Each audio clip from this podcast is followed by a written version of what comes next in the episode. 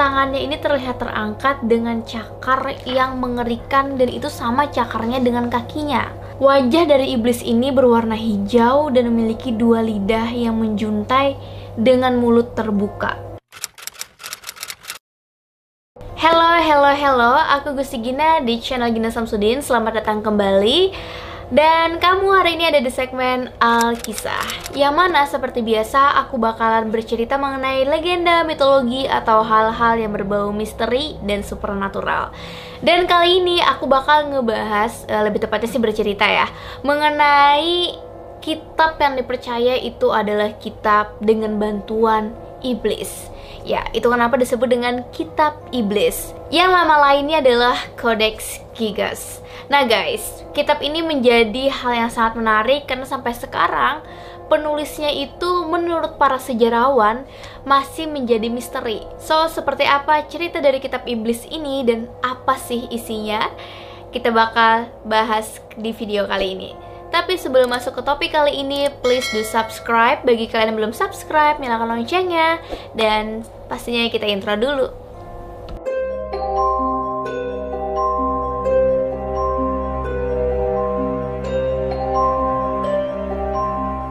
Guys, pastinya kalau di dunia ini ada banyak sekali kitab ya, terutama bagi orang yang memiliki keyakinan biasanya ada kitab yang dijadikan pedoman hidup. Nah, tapi apa jadinya kalau ternyata ada kitab iblis di dunia ini? Kitab iblis ini disebut dengan Codex Gigas yang artinya adalah kitab raksasa atau kitab besar karena ukurannya yang sangat besar tadi. Codex Gigas ini adalah manuskrip yang paling aneh dan juga paling besar di abad pertengahan. Dan juga sebenarnya guys, sampai sekarang tuh belum diketahui pasti asal usul dan siapa penulisnya. Walaupun begitu, pastinya kan ada catatan sejarah dan juga legenda yang berkembang. Mari kita ulik satu persatu. Yang pertama adalah tampilan fisik dari kitab iblis ini. Codex Gigas atau kitab iblis memiliki ukuran yang sangat besar guys. Yang mana bisa dibilang ini adalah buku raksasa. Karena saking besarnya butuh dua orang untuk bisa mengangkat kitab ini.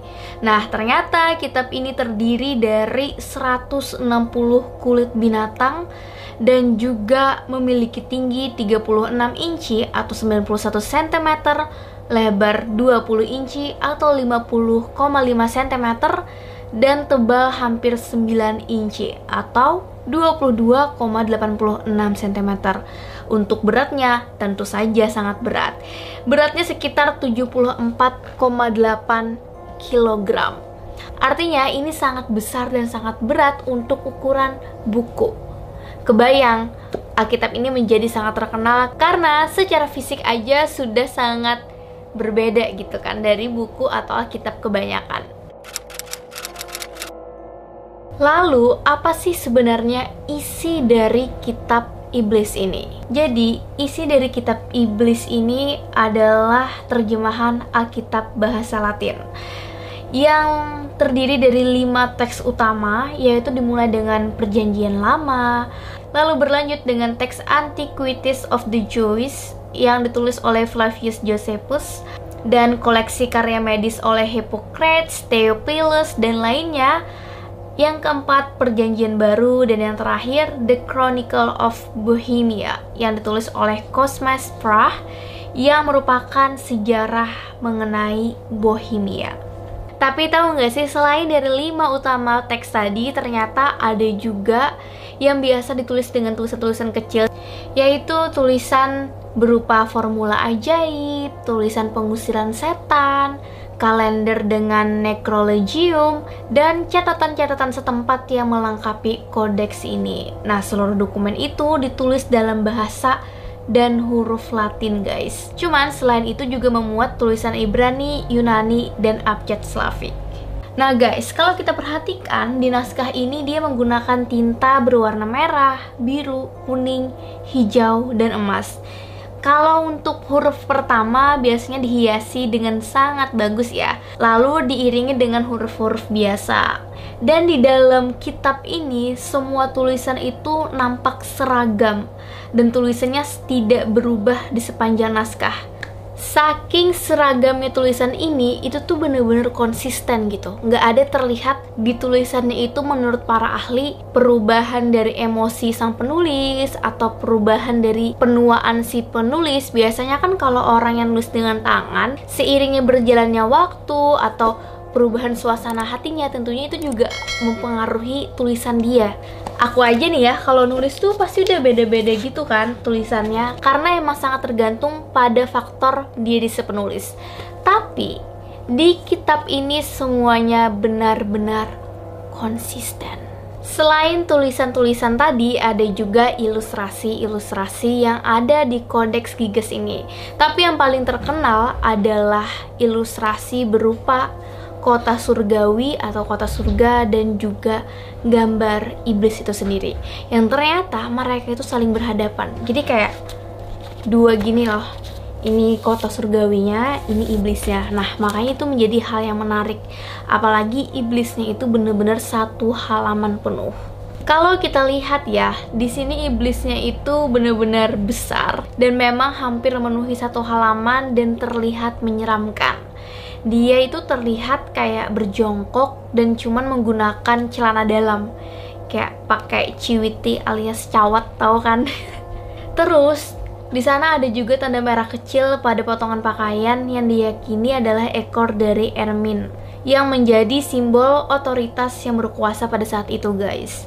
Lalu tangannya ini terlihat terangkat dengan cakar yang mengerikan dan itu sama cakarnya dengan kakinya. Wajah dari iblis ini berwarna hijau dan memiliki dua lidah yang menjuntai dengan mulut terbuka. Walaupun di zaman dulu khususnya seni-seni abad pertengahan, gambar mengenai setan itu hal yang biasa gitu karena karena udah banyak banget nih digambarkan oleh para seniman atau para penulis. Tapi di Codex Sigas ini bener-bener kayak aneh dan mengerikan karena dia full satu halaman dan berseberangan langsung dengan gambar kota surga.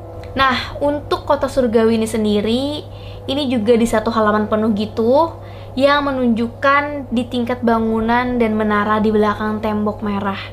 Menara juga tampak menonjol dari dinding dan kota surgawi berbatasan dengan dua menara yang lebih besar, seperti yang ada pada gambar devil alias si iblis tadi. Mungkin gambar ini juga dimaksudkan nih guys buat mengilhami ide-ide harapan dan keselamatan yang kontras dengan sifat jahat iblis. Meskipun tidak begitu jelas alasan dari iblis tadi ada di halaman itu dengan sebegitu besarnya, beberapa dari para ahli itu menganggap kalau surga dan juga iblis tadi itu kayak gambaran gitu loh apa yang menanti kita di kehidupan selanjutnya jadi ya kalau kita menjadi orang yang baik mungkin surga akan menanti kita. Tapi kalau kita menjadi orang yang jahat di dunia setan alias iblis menanti kedatanganmu.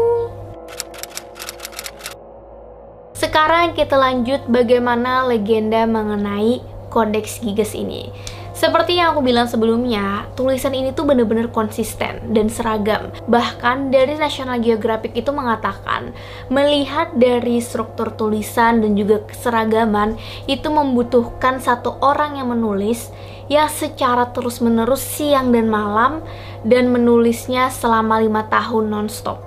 Itu kalau dilihat dari strukturnya kalau direalitakan guys, menurut National Geographic itu pasti dibikin sekitar 25 tahun.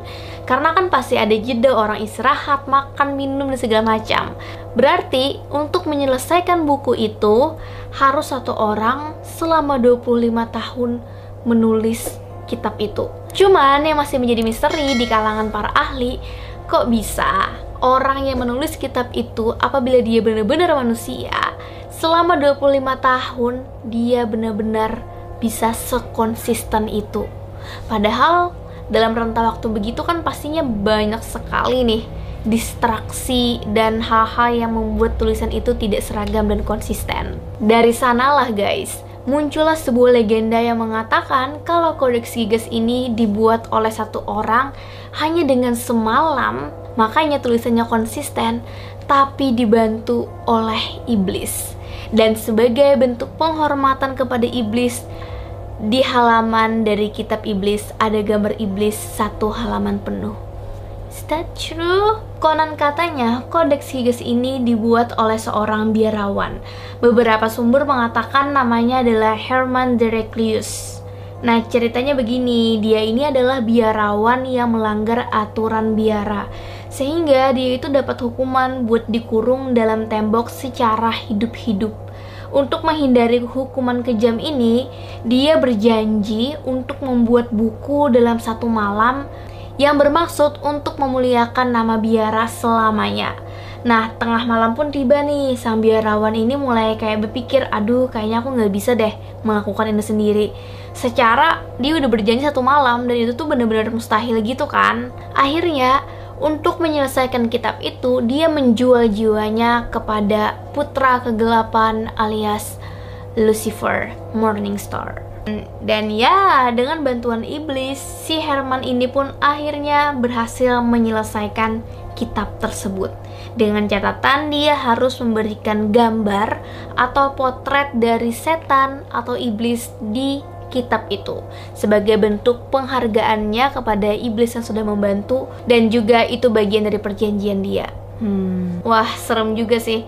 Tapi memang dari zaman dulu itu sering banget kayak istilah-istilah atau fenomena di mana untuk melakukan sesuatu yang mustahil, orang akan menjual jiwanya ke iblis dan mereka akan mendapatkan bantuan dari jin atau iblis gitu kan. Ya di Indonesia sendiri juga banyak kan legenda-legenda kayak gitu yang mana untuk menyelesaikan suatu tugas yang sulit dan itu terasa mustahil, orang-orang akan meminta bantuan jin atau yang terparah adalah iblis. Lalu bagaimana perjalanan mengenai kodeks Gigas ini sendiri dan di mana sekarang kitab iblis ini berada? Seperti yang aku katakan sebelumnya, asal mula sebenarnya mengenai kodeks Gigas ini masih tidak diketahui dengan jelas ya, yang ada hanya berupa legenda.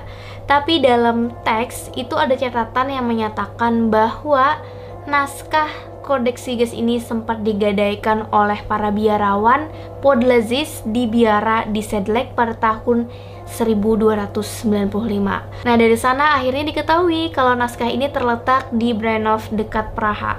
Nah, karena biara-biara yang terkait dengan sejarah awal Kodeks Gigas tadi itu ada di Bohemia dan teksnya pun juga merujuk pada sejarah daerah tersebut. Ya, secara umum dapat disimpulkan kalau Kodeks Siges ini juga dibuat di Bohemia akibat ada tulisan mengenai sejarah Bohemia. Nah, selanjutnya untuk penyebutan dari kitab ini sebagai Kodeks Gigas itu ketika Radolf II membawa kitab ini ke istananya di Praha pada tahun 1594. Nah, dia ini kan tinggal di sana ya sampai pengepungan Swedia di Praha pada akhir perang 30 tahun pada tahun 1648. Jadi di sejarah Jerman itu ada perang 30 tahun yang terjadi di antara tahun 1618 hingga 1648. Khususnya itu terjadi di wilayah Jerman. Makanya menjadi bagian dari sejarah Jerman sekarang. Nah, pada tahun 1648, tentara Swedia ini menjarah kota dan satu dari harta yang mereka ambil adalah naskah abad pertengahan. Nah, itu kenapa Kodeks Gigas ini akhirnya ada di tangan Stockholm. Dan di tahun 1877, Kodeks Siges ini menjadi dari koleksi perpustakaan nasional Swedia di Stockholm yang mana itu masih disimpan sampai sekarang. Ringkasnya, Kodeks Giges ini awalnya di Bohemia, lalu ke Praha, lalu berakhir di Stockholm yang sampai sekarang masih tersimpan di perpustakaannya. Meskipun begitu guys, ada kepercayaan dalam sejarah kalau orang yang menyimpan kodeks Siges ini akan mengalami berbagai macam bencana, mulai penyakit, bencana alam, atau bahkan peperangan dan sebagainya. Tapi ternyata selama jatuh di tangan Stockholm, sampai sekarang itu tuh bener-bener aman-aman aja gitu. Bahkan sampai sekarang kita pun bisa melihat versi digitalnya sendiri. Ya untuk yang aslinya itu disimpan di perpustakaan dengan sangat aman. Tapi ya kalau menurut aku Kodeks Siges ini tuh nggak seseram itu, nggak seseram namanya sebagai kitab iblis gitu, karena kan isinya juga banyak teks-teks yang berbau dengan Alkitab-Alkitab sebelumnya, terus juga ada catatan karya medis dan sebagainya. Yang bikin seram tadi adalah legendanya dan juga potret dari iblis. So guys, gimana menurut kamu? Apakah sebelumnya kamu pernah mendengar mengenai Kodeks Giges ini? Karena emang saking terkenalnya ada di beberapa film, ada dokumenternya, dan juga dimuat di beberapa TV show. Tulis pendapat kamu di kolom komentar, terlebih kalau kamu punya referensi tambahan mengenai topik kali ini. Terima kasih sudah menonton video ini, tonton juga ratusan video aku lainnya. Yang belum subscribe, aku ingetin di subscribe biar kamu gak ketinggalan video-video menarik lainnya dan juga nyalakan loncengnya. Aku Gusi Gina,